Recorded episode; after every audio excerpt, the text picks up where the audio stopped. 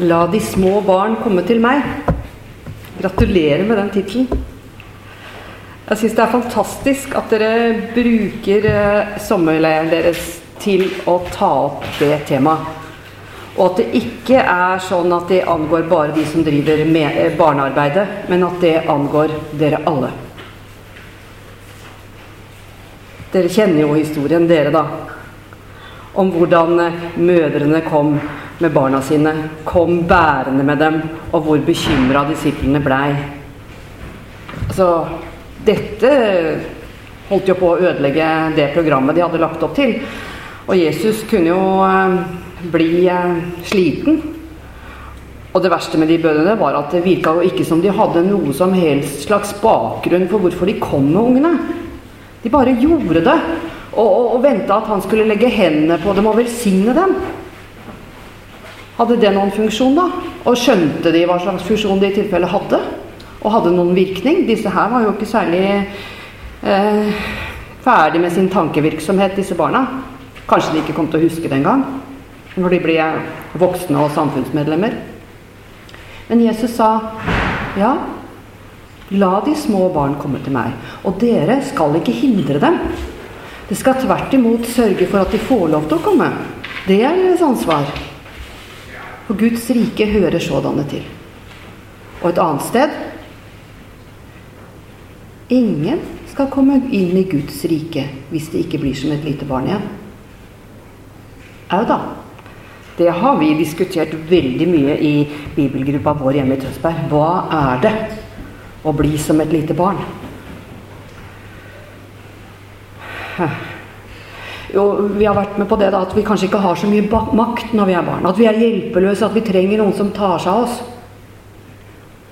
Men eh, det trenger vi jo som voksne òg. Nå skal jeg være litt frekk. Jeg tror ikke jeg har helt rett. Eh, men eh, hvis jeg ser på hva jeg syns kjennetegner barn og som jeg tror er viktig, og som jeg har lært i teatervitenskapen, for der har vi noe som heter lekteorier. At leken, det kjennetegner barnet. Leken som gjør at det er eh, spennende å gjøre ting om igjen og om igjen og om igjen inntil du mestrer det. Leken som gjør at du lærer å bli sosial. Leken som gjør at du lærer å kommunisere. Den leken den hører så absolutt barnet til. Og for et skaperverk, dere, når man begynner å studere leken. Den er biologisk nedlagt i oss. Nå har jeg vært sammen med et lite barnebarn som er litt over åtte måneder. Og hun holder på å lære å spise. Oi. Det er arbeid for far. Øh, for min sønn, altså. Og det er fantastisk å se hans tålmodighet. Det begynner jo med at barnet er eh, sultent, og vi er jo alltid litt for seint ute. Det er jo så mange ting å gjøre, så hun er litt for sulten. Men han setter seg ned, han rører i grøten, og han putter grøt i munnen. Og til å begynne med så eh, spiser hun jo, for da er hun så sulten at hun gaper opp og spiser. Men når hun begynner å bli mett, så begynner hun å leke. Og hun vil helst holde skia sjøl, og hun vil helst holde tallerkenen. Og det går ganske voldsomt for seg. Hun vifter, for hun har jo ikke helt kontroll ennå. Så armer og bein går, og hun hyler av fryd over å få lov å holde sida sjøl. Og der nede er tallerkenen, men treffer hun den, tro? Yes, der traff hun den, og der traff hun nesa. Og der gikk tallerkenen i gulvet. Og opp igjen og om igjen. Og jeg husker plutselig hvordan jeg også hadde en sønn som skulle lære å spise. Og det var en periode som var aldeles forferdelig. Fordi han lekte med maten. Og det skal vi jo på en måte ikke gjøre. Men hvordan skal vi lære å spise ordentlig hvis vi ikke leker med maten? Det er en periode, det, å lære å få den skjea til å gå nedi. Og det er gøy! Hvorfor skal det ikke få lov til å være gøy? Det ligger jo nedlagt i det lille barnet at vi leker for å lære å mestre. Det ligger nedlagt når vi får klossene, at vi først klarer å løfte den. Og vi klarer det bare akkurat så vidt. Og etter hvert så mestrer vi det. Og da er det helt naturlig at neste trinn er å begynne å håndtere de klossene og bygge tårn. Og så bygger vi tårn. Og så er det en kjempeinteressant sak som vi kan holde på med i timevis, i dagevis, inntil vi helt klart mestrer det å bygge det tårnet. Det er ingen sak. Da er det ikke interessant lenger. Da går vi videre. Da prøver vi å få bygd et helt hus. Og de mest kreative ungene de kan jo holde på å bygge hele byer hvis de får lov. Og hvis de får oppmuntring. Og hvis de nå er av den sorten som gjerne vil bygge hus. For vi er også nedlagt i oss at vi har litt forskjellig innretning når vi vil leke. Men lek er morsomt. Og jeg tror at Gud har nedlagt det i oss fordi at vi kan lære. Og vi klarer simpelthen ikke å la være å leke og lære hvis vi får lov. Og et eller annet sted på veien så stopper den leken. Hvorfor gjør den det? Jeg er historiker også. Og jeg kjenner dragningen mot de samfunnene som fortsetter med leken. Ja, det er ikke helt sant det at vi eh, ikke har lyst til å leke nå også, men vi må liksom ha en unnskyldning. Jeg mener, Tenk på alle de lederkursene som er rundt omkring. Hva er det de driver med for å få disse litt stive folka til å, gjøre ting, Da? De må leke og konkurrere. Og så har de det så gøy, og da tror de at de blir eh, bedre ledere. Kanskje de gjør det. Vi må ikke slutte å leke. Vi må ikke slutte å være som barn igjen. For det er gjennom leken at vi lærer. Det skulle ikke være noen vel bevart hemmelighet. Men av og til så lurer jeg på om det likevel er det. Nå er det sånn at jeg eh, tenker at vi alle bærer alle alder i oss. Ja, vi har fått med oss en ballast gjennom livet. Jeg sjøl har blitt 61 år og bestemor, og jeg har gått på noen smeller i livet. Jeg har lært en hel del. Men av og til, og særlig når jeg har barnebarna på besøk, men også når jeg møter andre barn, for jeg er så heldig at jeg driver med dokketeater. Og da reiser jeg rundt i barnehager og skoler og spiller for barn og unge. Og da får jeg lov å leke. Og mine forestillinger er ganske små. Og de inneholder ganske mye lek og samhandling med de ungene jeg spiller for. Og da er jeg nødt til å gjøre det man kaller å improvisere. For det er alltid noen unger som sier noe jeg ikke har hørt før, og som jeg er nødt til å svare på eller ta med inn i forestillingen. Og da kjenner jeg den lille jenta i Janne som begynner å fabulere, og som plutselig har et svar. Eller en ny lek som tas direkte inn i forestillingen. Og det er så deilig. Jeg får lov til å ha med meg Anne, Lille-Anne, Annemor, som jeg het da jeg var liten, inn i samhandlingen med ungene. Det er ikke sånn at når jeg som voksen møter barna, så er det bare jeg som har makt og erfaringer å gi. I leken har barna veldig, veldig mye å gi til oss også. Av kloke ting, av nyskapende ting. Og det skal vi ta med oss. Hvis ikke vi har noe å ta imot av dem, så tror jeg heller ikke at de har noe å ta imot av oss. Vi må bli som barn igjen hvis vi ikke skal hindre barna i å komme inn i Guds rike. Og nå skal jeg begynne å snakke om forkynnelsen. Ut fra det at vi altså alle har barn i oss. Alle dere som sitter her. Husker dere hvordan det var å leke? Husker dere hva dere lærte av leken? La oss snakke om det etterpå. Ta det spørsmålet nå en av mine favoritthistorier da jeg gikk på søndagsskolen. Og jeg må ha hatt en søndagsskolelærer som var flink til å fortelle åpne fortellinger. Fortellinger som jeg kunne leke videre på etterpå. Og helt spesielt, min yndlingshistorie er en som mange av dere sikkert også har hørt. Den handler om bønn og takk til Gud. Og i og for seg så kan det jo være en eh, historie som mange, hvis de vil være ekstra vrangvillige, og det er det jo mange som vil overfor kristen forkynnelse i dag, kan si at det er ganske moralistisk. Men den er så åpen. Det er så mange muligheter for et barn ja, å prøve å løse problemet. Det er nemlig to engler med hver sin store kurv. De står, jeg ser dem for meg. De står oppe på en sky. De ser ned på jorda. Og i de kurvene som de nå har fått, der kan menneskene legge sine bønner. Den ene engelen har tatt imot en kurv hvor det er alle de bønnene som folk ber til Gud når de har problemer, eller det er noe de ønsker seg, eller ting er vanskelige. Så lesser de bønnene sine oppi den kurven.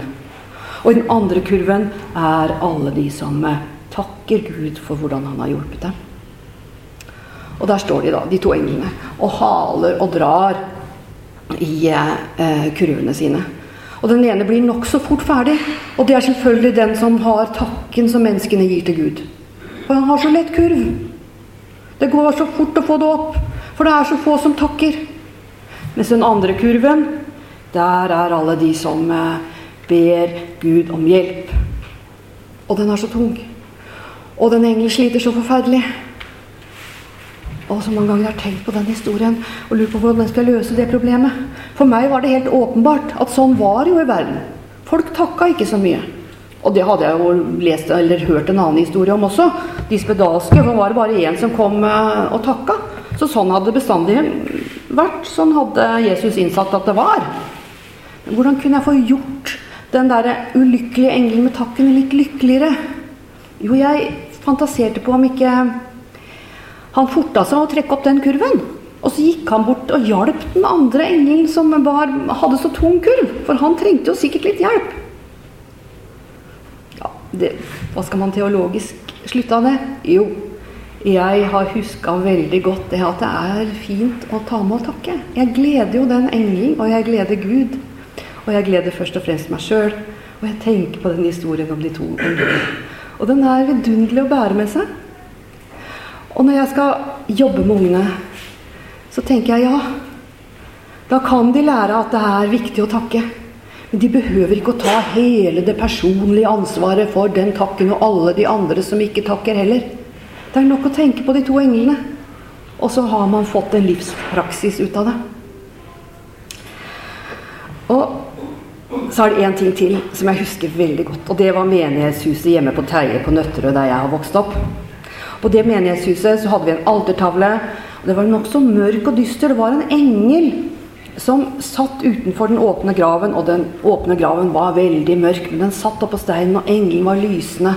Og det sto to skikkelser under og så på denne engelen, og så sto det med gullbokstaver under. Hittil har Herren hjulpet. Og det vil jeg gjerne at dere skal ha med dere når jeg fortsetter foredraget mitt, og av og til forteller dere om hvor dystert jeg syns situasjonen er når jeg prøver å jobbe med forkynnelse for barn. Hvor mange fæle motstandere jeg føler at jeg har. Hvor uh, ille det kan kjennes at det går jo den gærne veien. Kristendommen mister jo plass i vår kultur. Ungene vet jo ikke lenger hvem Jesus var. Uh, I hvert fall ikke hva pinsen var. Det er de veldig usikre på. Uh, det var vel et barn som svarte at det må nok ha vært når Jesus var russ. Uh, og det er litt sånn med påsken også. Man begynner å bli usikker på Var ikke det, Var Jesus ute og gikk på ski, kanskje? og vi har så vidt igjen julefeiringa. Og vi ser at hele den kristne kulturen og hele kunnskapen om hva bibelhistorien er, er i ferd med å forsvinne. Og spesielt jeg som jobber innenfor uh, for kunsten, ser også at det fins mange som jobber aktivt for at den skal forsvinne. Og da blir jeg no motløs noen ganger. Men altså Da tenker jeg på altertavla på Teie menighetshus. Hittil har Herren hjulpet. Oversatt i mitt barnespråk det går nok bra til slutt. Og det er jo det vi snakker om og synger om, og det er jo det som er vår tro. Jesus har tatt på seg ansvaret. Det går nok bra til slutt. Det vil jeg tenke på som voksen og som barn. Og så skal vi tilbake til leken. Eh, ja, én ting til. En vidunderlig ting jeg har opplevd i det siste. Fordi jeg skriver litt i lokalavisa vår, Tønsbergs Blad. Og der skriver jeg barndomsminner.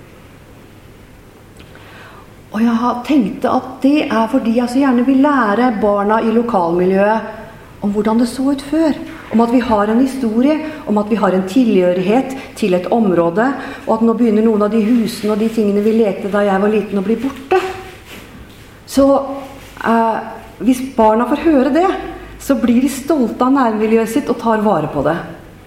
Det er ingen som leser de historiene for barna. Det er ingen tenåringer som leser det sjøl heller. Og ingen unge voksne som bryr seg om det. Hvem er det som leser de historiene? For de har jo blitt fantastisk populære. Det er de som er eh, på min alder, ja, kanskje ned til 50, og de som er eldre. Men de overfaller meg på gata. 'Er ikke du Anne Helgesen?' 'Å, jeg leser den historien.' Og vet du hvordan jeg hadde det da jeg var liten? Jeg, det kjente meg noe som ligna veldig. Og det, det, bærer jeg på meg. En, og så får jeg masse historier om hvordan de lekte og fantaserte når de var små. Så av og til lurer jeg på var det da det viktige skjedde? Har det egentlig ikke skjedd noe særlig i livet vårt etter det? Jeg lurer på det. De menneskene er så lykkelige over å få minna på barndommen sin. Og det tror jeg det er også. Så jeg håper vi får mange gode barndomshistorier etterpå. Hent fram barn i dere nå. Og så la oss tenke på hvor viktig leken er. Hva innholdet i leken skal være. For det er jo det det handler om, de historiene jeg nettopp snakka om. Hva innhold hadde jeg i leken min? Jo, det var en voksen søndagsskolelærer bl.a. som ga meg et innhold å arbeide med og leke med. Og så har man med leken det at man kan få noen rammer, noen regler, og så skal man improvisere og skape sjøl. Altså ja, en ramme men den må være åpen nok. Akkurat som de historiene vi har i Bibelen, og særlig i Det nye testamentet. De er åpne nok til å leke med, til å gjøre til sitt eget. Og det gjør barnet helt naturlig. Og så har vi i teatervitenskapen noe som vi kaller for performance-teori. Det var en amerikaner som heter Schechner, som lagde den teorien. Og det går altså ut på at skal vi mennesker kommunisere sammen, så må vi bruke en viss del av det kjente, altså det som vi har øvd oss på og lekt med. Og så må vi lage noe nytt. Og begge deler må være der. For hvis ikke, så hører ikke den som, eh, som vi vil bringe budskapet til, etter i det hele tatt. Vi må føle at dette er viktig fordi det er noe kjent, og fordi det er noe nytt. Og han setter opp, Schechner setter opp masse sånne fine eh, eh, modeller for å vise dette. Og han setter opp alt som kan være performance. Og performance kan være en fotballkamp, det kan være en teaterforestilling, det kan være et religiøst møte, det kan være en gudstjeneste, det kan være 17. mai-feiringa vår. Og så sier han at alt dette handler om at vi kjenner noe, og at vi eh, får noe nytt. Hvis ikke mister vi interessen. Og det kan være en helt privat performance. Vi kan være tilskuere til oss selv. Altså når vi står opp om morgenen og ser ansiktet vårt i speilet. Vi hadde jo eksempelet her. Man vet veldig godt hva man skal gjøre. Altså Man må barbere seg først og, og vaske seg etterpå. Nå har ikke jeg hatt det problemet. Men man kan jo legge det så eh, nøye opp. Men det er jo veldig morsomt også, da. Hvis man har en rutine. Eller det som hos Schechner heter ritualet. Og så plutselig så gjør man en uh, ny vri. Bare for seg selv, bare for, der foran speilet, fordi at dagene begynner å bli så kjedelige. Ja, så spiller man en liten forestilling for seg sjøl. Og så vasker man seg kanskje først og barberer seg etterpå. Og så er kanskje resultatet litt dårlig, men det er litt morsomt, da.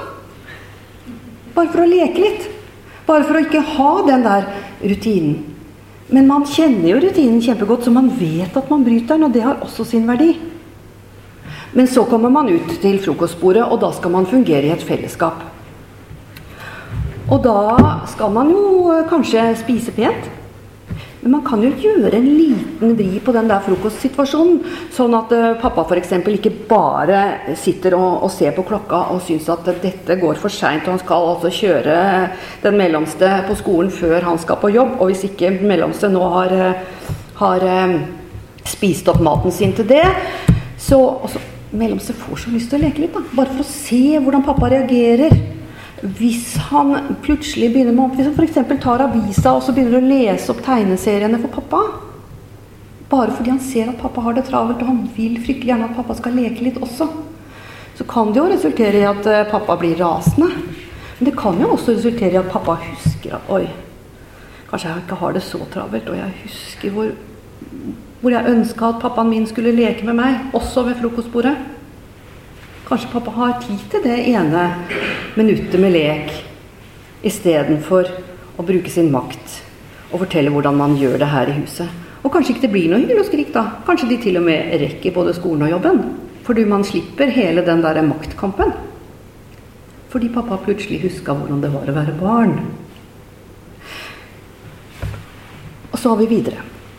Vi har et samfunn hvor barna skal ut og lære. Og vi skal lære dem å leke med vår historie, våre tradisjoner. Og vi skal lære dem den kunnskapen, for ellers kan vi ikke bruke den i sin kreative virksomhet. Og det er her jeg begynner å bli bekymra. For det er her jeg altså ser at de har jo ikke det materialet de skal leke med. De har ikke ritualene lenger. Ritualene våre smuldrer opp. Av og til så bruker man rammene, og man bruker dem utstudert kommersielt. Man vet at hvis barna får noe som kjennes kjent, og hvis man skal skape en hel verden av kjente ting, så kan man selge det produktet. Og så kan man få dem til å henge på. Og så kan man få dem til å være spente på om de mestrer det. Så man legger inn i det kommersielle eh, produktet en form for mestring. En form for å føle at man er med på gamet, og man må klare det. Og så legger man også inn en fortsettelse, så man må opp til neste trinn, eller man må se hvordan det går. Og det er ikke sikkert i disse lekene at det går bra til slutt, sånn som det går i vår forståelse av livet. Og da må det bli mer dramatisk. Så da henger man på en kamp mellom det onde og det gode. Og så blir plutselig den kampen mellom det onde og det gode det vesentlige. For hvis man ikke vet om det går godt eller dårlig til slutt, men man føler at man sjøl står i midten og mestrer og mestrer helt alene, at man blir supermann, at man blir superhelt, at man kan drepe de andre for å stå der selv og være den som vinner. Og plutselig har man glemt hele kampen om det gode og det onde. Plutselig er det viktigste at man er den som vinner. Og så har man skapt. Hva slags ideologi da? Og hvorfor er det ingen som snakker om det? Hvorfor er det ikke noen som snakker om hva slags oppdragelse er man gir sine barn, og hva slags ideologi er det vi skaper om dette samfunnet, hvis det viktigste er at man lager et underholdningsprodukt som skal kjøpes, som selger, som man blir rik av, og som man blir hekta på. Jeg blåser egentlig litt i hvor mange timer ungene sitter foran skjermen for å mestre spillet. For den mestringa tror jeg på, men hvis det ikke er noe annen utvikling enn det spillet, at du skal stå igjen som seierherre og ha glemt forskjellen på godt og vondt, men at du bare har fiender og dem som hjelper deg så er det noe forferdelig vi lærer opp våre barn til. Men det tas ikke tak i. Man sier at det er ideologi man skal ta tak i for å oppdra barn, og at de skal stå fritt. Hvor fritt står disse barna som får dette innholdet? Hvor det er bare leken og ikke rammene og de ritualene som er bygd opp gjennom tradisjoner, som læres bort. Men vi kan ikke si til barna dette er riktig, og dette er feil. De må få lov til å ha leken. De må få lov til å bearbeide sjøl. Men de må ikke bli hekta. De må få lov til å bli selvstendige mennesker. Og jeg må innrømme, da jeg jobba som ung journalist i Vårt Land og eh, fikk lyst til å lage barneside, for jeg jobba mye med barnearbeidet i menigheten og eh, eh, jeg eh, hadde lyst til å skrive litt for barn også, for jeg var ganske flink med barn. Det var ikke det at jeg var opplært til det, jeg var ennå ikke blitt mor sjøl. Men jeg hadde lyst til å gjøre det.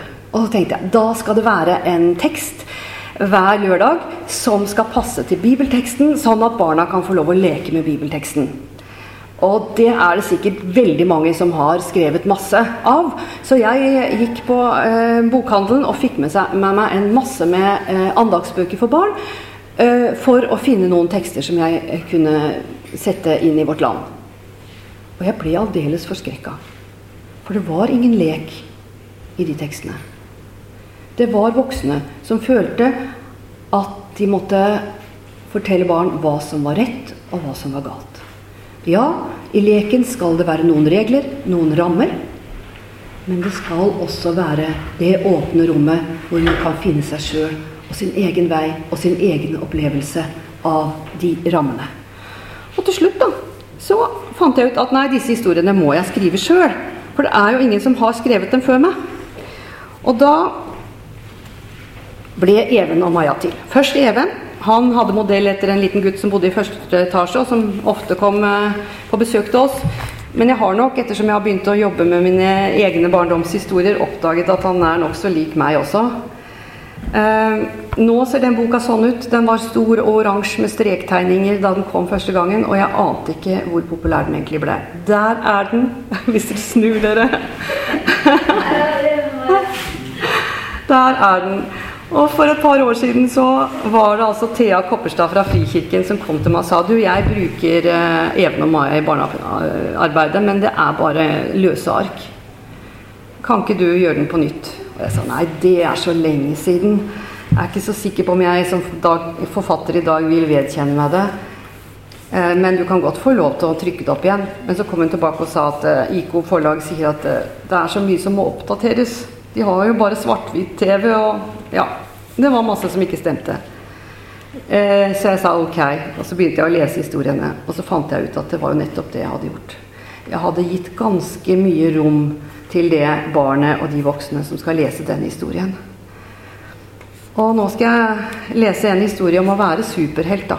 For jeg syns vel kanskje det er et av de største problemene. At det ventes av gutta at de skal være superhelter, og at uh, jentene skal være superprinsesser. Uh, og det er noe som er vanskelig å nå opp til. Uh, så jeg skal lese en historie om Even. Even satt ved middagsbordet og strålte som sola. Han hadde vært tøff i dag. Han hadde ordna opp med Maja og Leif.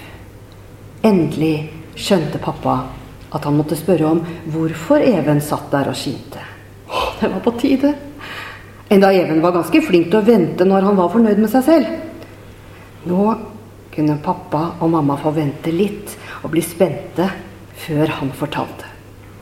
Even la fra seg kniv og gaffel. Mamma og pappa sa ingenting. De ventet. Vi lekte cowboy og indianer i dag. Stille rundt middagsbordet. Jeg var indianer. Jeg klarte å ta både Maja og Leif til fange. Altså, jeg klarte å ta begge cowboyene til fange. Mamma og pappa nikket uten å si noe. Even kunne se at de var imponerte. Og det klarte jeg enda vi lærte på skolen at de hvite som kom til Amerika, var slemme med indianerne, og at de ødela byene deres og tok jorda deres og tok dem til fange. Men hvis jeg hadde levd da, og hvis jeg hadde vært indianer, så skulle jeg ordna opp, så det ikke skulle bli så urettferdig stille rundt middagsbordet. Alle tre tenkte på hva Even hadde sagt. Så sa pappa Men du lever jo nå, du, Even. Even sukket. Bare vent til jeg blir voksen. Da skal jeg ordne opp med alt som er urettferdig nå. Men det var enda mer urettferdig før, da, for det lærer vi på skolen. Folk var så slemme før. Stille rundt middagsbordet. Even så fra mamma til pappa og tilbake til mamma. Det var så fint at de voksne hørte på hvor god han var til å ordne ting. Hvis jeg hadde levd for lenge, lenge siden, så skulle jeg ordna opp enda mer. Jeg skulle f.eks. passe ordentlig godt på Jesus, så han ikke ble drept av de romerske soldatene. Jeg skjønner ikke hvorfor disiplene hans ikke ordna opp. Det var jo mange, de, og, og de var jo glad i ham. Og jeg skulle vært der, så skulle alt blitt annerledes. Nå hadde Even blitt ivrig. Han hadde løfta både kniv og gaffel og vifta med dem i lufta som om det skulle være farlige våpen. Og det var kanskje litt farlig også, for gaffelen for plutselig gjennom lufta og landa på gulvet. Even måtte plukke den opp. Du syns kanskje det høres rart ut, men jeg, jeg tror ikke at Jesus hadde latt deg få lov til å ordne opp, jeg, ja, sa mamma. Hæ? sa Even, for han syntes det hørtes rart ut. Disiplene tenkte omtrent som deg, Even. Og Peter han sa til meg at Jesus, til Jesus at han skulle la være å dra til Jerusalem. For det, der kom han sikkert til å bli arrestert, sa pappa. Men det var smart tenkt av Peter, mente Even. Ja, på en måte. Men det var ikke sånn Ja, på en måte. Men det var ikke sånn det skulle være. Jesus var Guds sønn. Han kom til jorda for å frelse alle mennesker. Og da måtte han dø for alle menneskers skyld, sa pappa.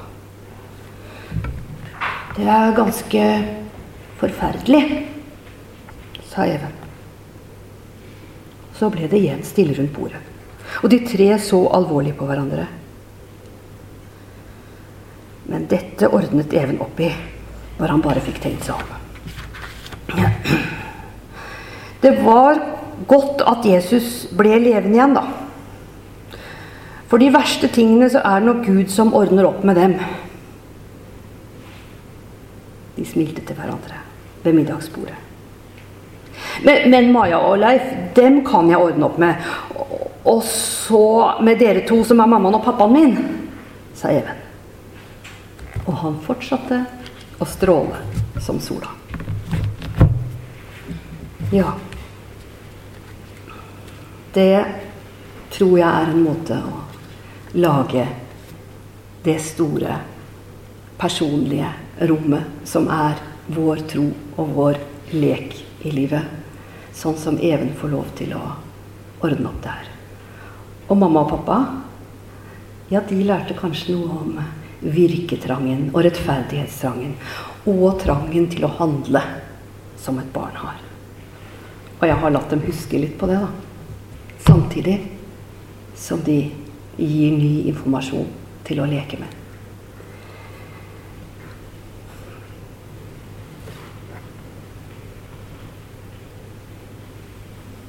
Men så er det altså det at denne trangen til å leke og være helt eller prinsesse også kan ta fra oss på den måten at vi får et ferdigtykt, øh, en ferdigtygd ting jeg, jeg, tror Jeg var veldig glad for å, å, å høre om eh, super Hva het det? Superlink. Jeg ble litt provosert av akkurat av Super, og samtidig så ser jeg at det selger. NRK Super. Jeg har sjøl eh, jobba ti år i NRKs barneradio, og vi lagde bl.a. et eh, program som het AB812. Alle barn mellom 8 og 12 år hadde rett til å høre på det, men for alle andre var det forbudt. Og det er klart, da var akkurat det der med hemmelig å være detektiver og sånn veldig populært. Og vi trakk jo ungene voldsomt på det imaget. Og vi hadde innringningsprogrammer, og de ringte, da. Og eh, sa ja, nå skal vi fortelle dere en eh, hemmelighet. Dere to, Anne og Lars i hovedkvarteret. Ja, sa vi. Det er fint. Fortell. Eh, men dere må ikke si det til mamma og pappa, altså sier vi at ja, da er det kanskje ikke så lurt å si det på radio hvis det er så veldig Nei, mamma og pappa de sitter jo uh, ute og hører på radio, de. De skal jo høre på meg. Det er jo bare noe vi leker. Ja.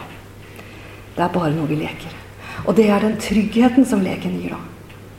Vi kan få lov å boltre oss, for det er ikke virkeligheten. Det er læringa vi bruker her. Og den læringa den skal vi bruke som oppdragere, som forkynnere, som underholdere for barn. Og jeg, jeg driver jo i den bransjen. Og jeg vet jo hvor lett det er å, å, få ungene med. Jeg vet jo at jeg kan komme til å gi dem eh, steiner for brød. Så jeg skulle ønske at vi arresterte alle dem som gjør akkurat det. Og sier hva mener du med det? Hvorfor gir du dem de steinene der? Og bruker den teknikken? Nå skal dere få møte en av mine bestevenner. Og han er vel en bestevenn fordi han ligner nokså mye på meg. Jeg prater ofte med han. Jeg pleide å reise på turné med han i Nord-Norge. Eh, og eh, da satt han ved siden av meg i setet, for jeg dro på soloturneer. Og jeg pratet med han. Men det var jo fordi jeg snakka med meg sjøl, selv, selvfølgelig. Han heter Bjørn Obstfeller. Og jeg har han her. Jeg sover!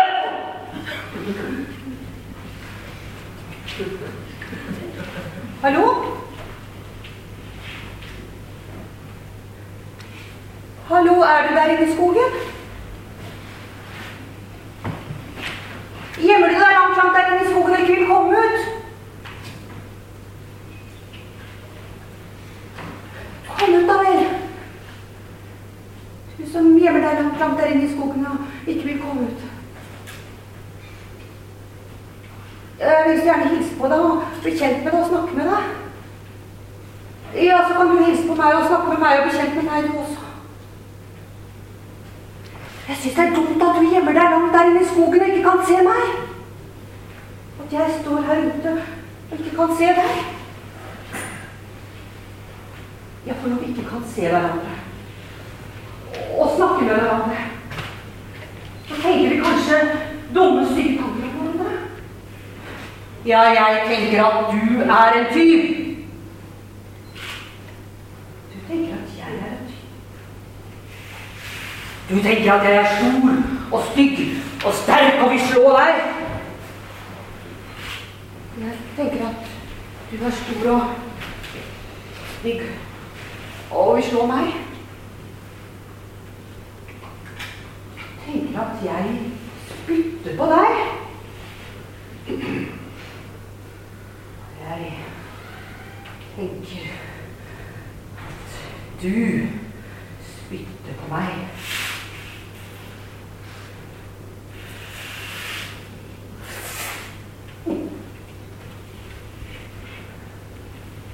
Hva roper jeg på deg nå?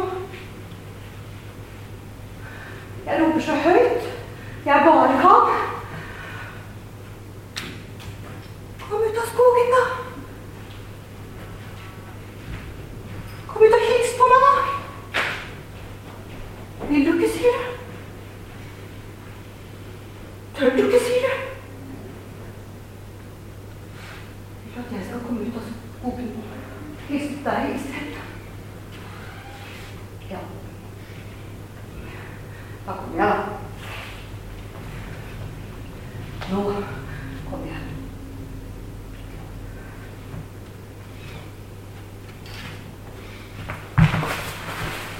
Ja, Oppsfjell. Det er bare deg som er her inne i skogen. Bjørnen sover, bjørnen sover. Oppsfjell, du sover ikke. Du er jo våken. Jo, jeg sover, jo, jeg sover i mitt underliv. Her er ikke ditt hundehus. Det er mitt nett. Og nå skal du hilse på de alle de voksne som er ute. De kan være farlige, de er ikke farlige.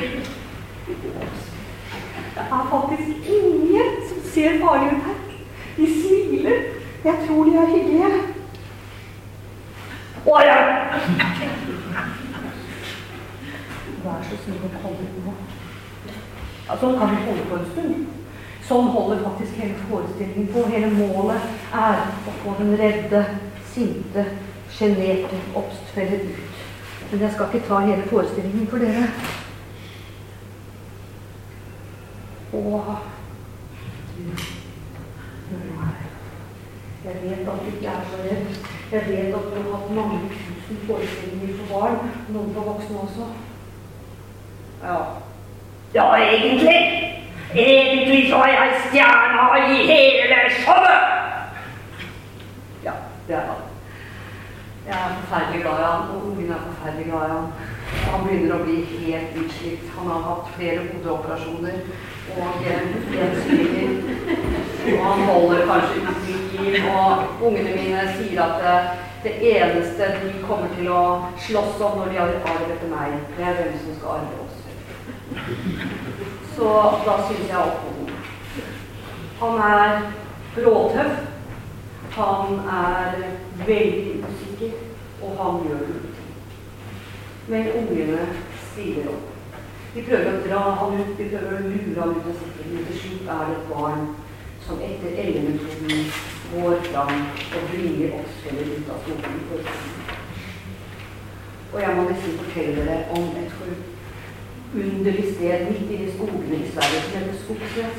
Det er et gammelt hippiekollektiv, og en, de har egen skole, og en gang spilte jeg for dem.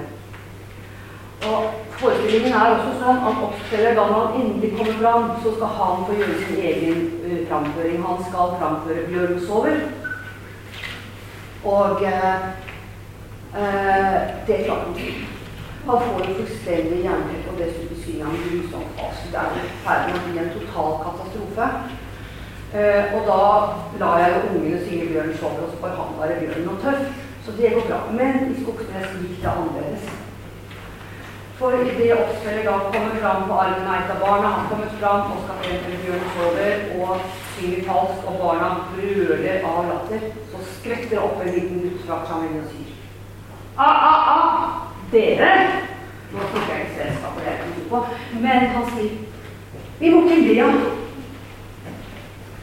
Hvordan ville dere hatt det hvis dere lo noen lo når dere forsøkte? Stakkars, han får det ikke til. Vi må jo hjelpe ham. Er vi enige om at vi ikke skal le? Alle barna ja, jeg er enig. Vi stemmer for at vi ikke skal le. Så går den gutten fram til oss og bare prøver en gang han prøver en gang til. Og det er den eneste gangen at han har klart det. Vanligvis så pleier barn å gå ordne men det var demokratisk rett at de skulle le. Og Sverre sang faktisk greit. Og ettersom det er meg som gjør det, og jeg egentlig har et stort problem med at jeg ikke synger reint, så var det et lite under. Men skjønner dere? Barnas trang til å hjelpe denne ufarlige lille bjørnen, hvor de gjensender surheten, vrangheten, redsel, den handler om solidaritet. Den handler om å ta vare på de svakeste. Den handler om at hvis vi ikke stiller opp alle sammen, så kommer vi ikke videre. Og det gjør vi gjennom leken med tennebjørn. Og jeg er så stolt av det. Så det er det ene. Han vil jo gjerne være helt også, da, og vi kjenner igjen det. Akkurat som ene ville være helt. Men øh, nå må jeg bare Jeg prater jo sånn Jeg kan prate ett sett i fem timer. Nå må jeg vite hvor lang tid jeg har igjen. Ja.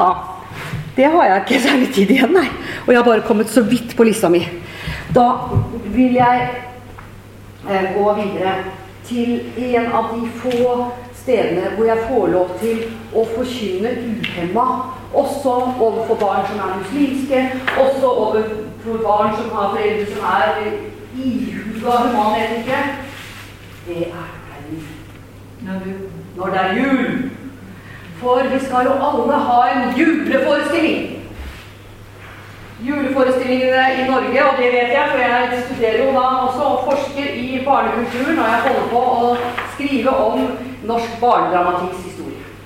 Og 'Reisen til julestjernene', det er jo da selve kronen på verket av det norske juleteatret. Der kommer altså lille Sonja, som er en fattigjente, og hun er den eneste som vil redde den regjerende kongen og gjøre han glad igjen, så julestjernen skal få lov til å skinne over landet. Og hun går ut i skogen. Hun møter alle juletradisjonene våre. Hun møter nissene, hun møter stjernene. Hun blir forfulgt av den onde greven som vil ødelegge julen og hele kongeriket.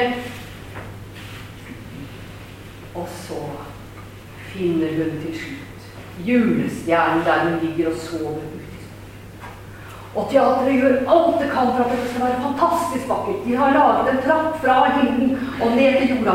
Og ved den trappen står det masse engler. Og ned kommer et lite barn med julestjernen og gir til Sonja.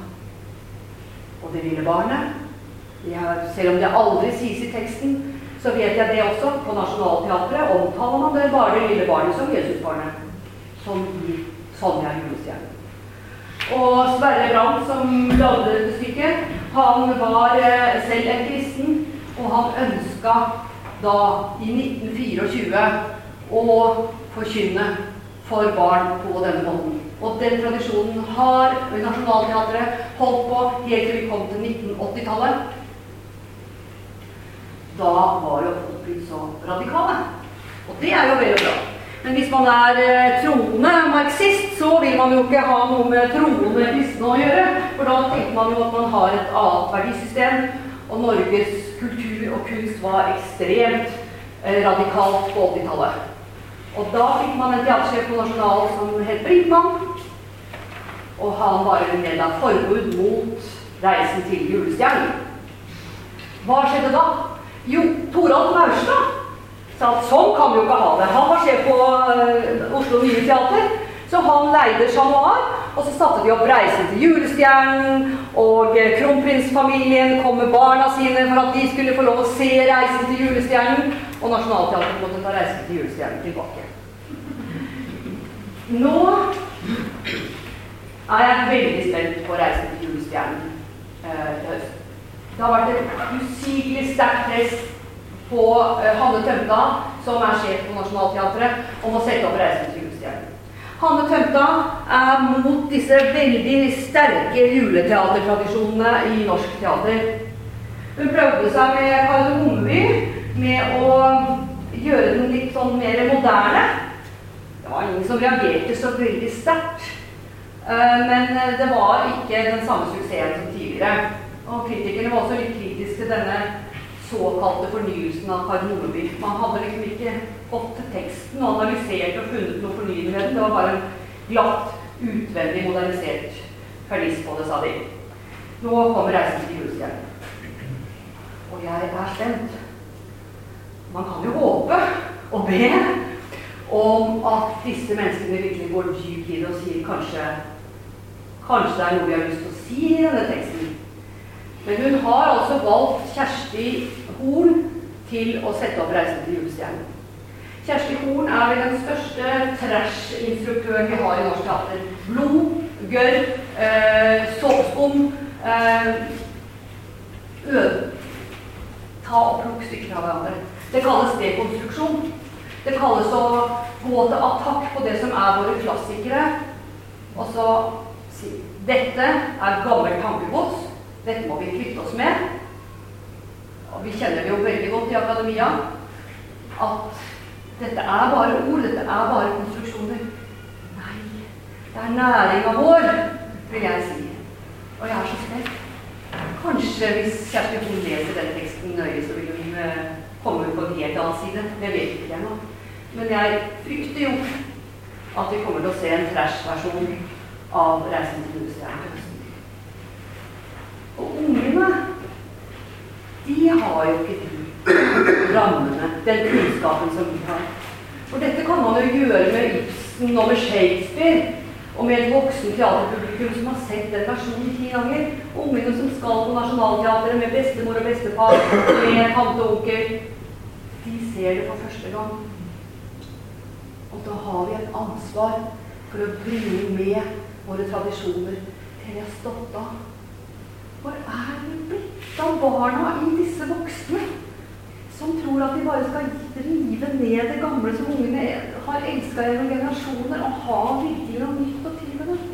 Det er jo fordi vi fins i en tradisjon at vi kan fornye, men med kjærlighet. Og jeg skal nå da avslutte med å vise dere en liten bit av min juleforestilling.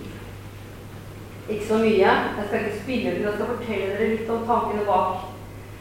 Og jeg har tenkt vekk med nisser og mas. La meg fortelle dere juleevangeliet. Det er så mange som ikke kan det. La oss leke juleevangeliet. Så jeg har med Åsfeller, da. Hvor gjorde jeg han? Uh, jeg la han tilbake ved Åsfeller. Jeg beklager. Jeg skal ligge her nå, liksom. Nei du skal ikke det. Ta deg ut sånn. Og så. Vet dere hva jeg ønsker meg til jul? Åsfeller, hvis skal ikke spille. Vet dere hva jeg ønsker meg til jul?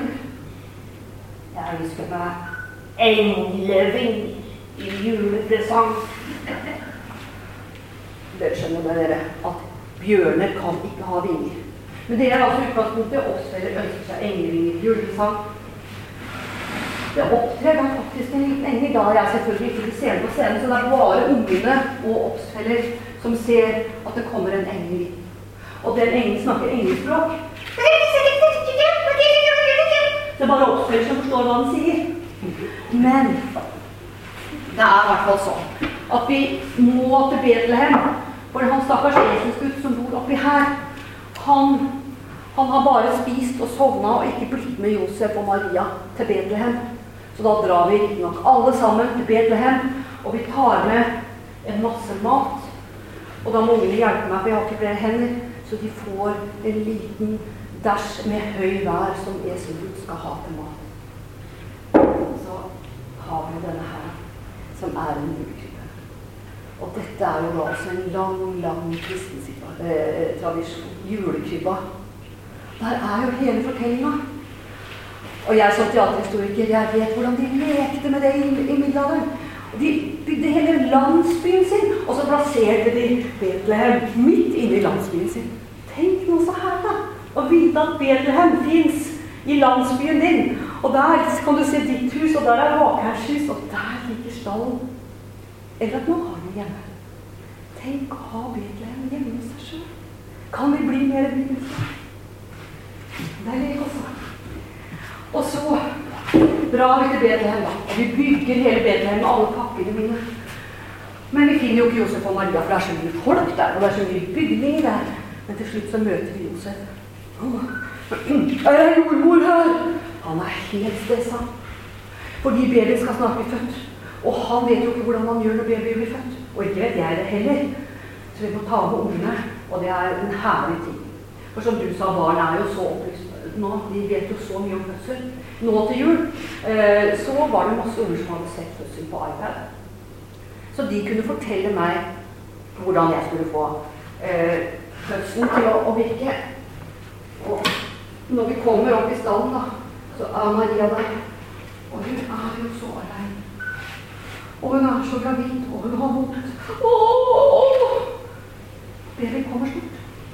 Og jeg sitter med masse jordmødre og barn som da sier 'Å, klapp Maria på kinn, trøst henne, be henne om å puste'. Det blir litt verre når vi skal finne ut hvor babyen kommer fra. Da hender det at noen foreslår at vi skal eh, skjære opp. Maria protesterer veldig på det. Til slutt så kommer det ut et lite baby mellom mellom bena hennes. Og barna er letta, og det er jeg òg. Nå skal vi se. Han er bare satt fast med strikk, så jeg skal ta ut nå. Og dette lille Jesusbarnet. Kommer ut. Og så skal jeg legge ham i krybben. Men det er i senga hans. Det er ikke noe seng der. Han vet heldigvis at vi skal ha en uh, krybbe. Og jeg blir kjempeglad. Men krybben er jo. Han kommer jo til å fryse. Han er helt naken. Og da er det at det kommer noen små hender. De har sittet og holdt på all maten til Jesigud. Og de får lov til å legge ned krybbe. Og de personlig har levert Jesusbarnets madrass og dyne. Og han blir levd lagt der. Og så kommer engelen som vi har lett etter, tilbake. Og eh, han får lov til å være eh, engel Gabriel, da. Men jeg må også vise dere kongene mine før. Og jeg er jo da aleine om dette her. Dette er synkronkonger. De ligner merkelig på noe som barna kjenner fra før. Eh, Kasper, eh, Melkjord og Balthazar. Sånn. Ligner jo veldig på Kasper og Jesper og Jonathan, da. Jeg vet ikke om jeg egentlig tenkte på det, men jeg har tenkt på det. Så kongene de blir litt sammen med Kasper og Jesper og Jonathan. Og de kommer og gir gaver til Jesus barnet. Og så synger vi 'Glade jul', alle sammen. Og hvis dere aner, nå spiller jeg 50 juleforestillinger. Altså, jeg har spilt denne forestillingen i 15 år. Nå spiller jeg 50 til hver jul. Og jeg har et hav av helt sånn strålende, entusiastiske barn foran meg. Og de deltar, de deltar. For de vil at det, det skal gå bra til slutt. Og det går bra til slutt. Men vi er et fellesskap som gjør det. Vi er en liten menighet. Og de har i hvert fall lært til evangeliet. Jeg håper at jeg skal få lagt en, eh, en påskefortelling også. Det er litt mer tricky. Men jeg tror Bjørn Aasrud er litt som Even. Han vil gjerne fekte over slåss litt. Han vil gjerne være litt barsk. Litt Supermann. Kanskje blir det en, eh, en påskehistorie også. Men den er jo vanskelig å selge. For det er det andre. Hvordan nå ut med dette? Jeg tenker Hvis vi ikke skal forhindre at barna får lov til å komme inn i Guds rike med hele sin tro, med hele sitt fantasirom, så må vi ut med disse historiene. Ikke bare til våre egne små barn som vi har ansvar for. Men vi må våge å være underholdende nok til å være lekne nok, frimodige nok til å fortelle disse fantastiske historiene som skal få lov å vokse i hvert menneske. Takk for meg.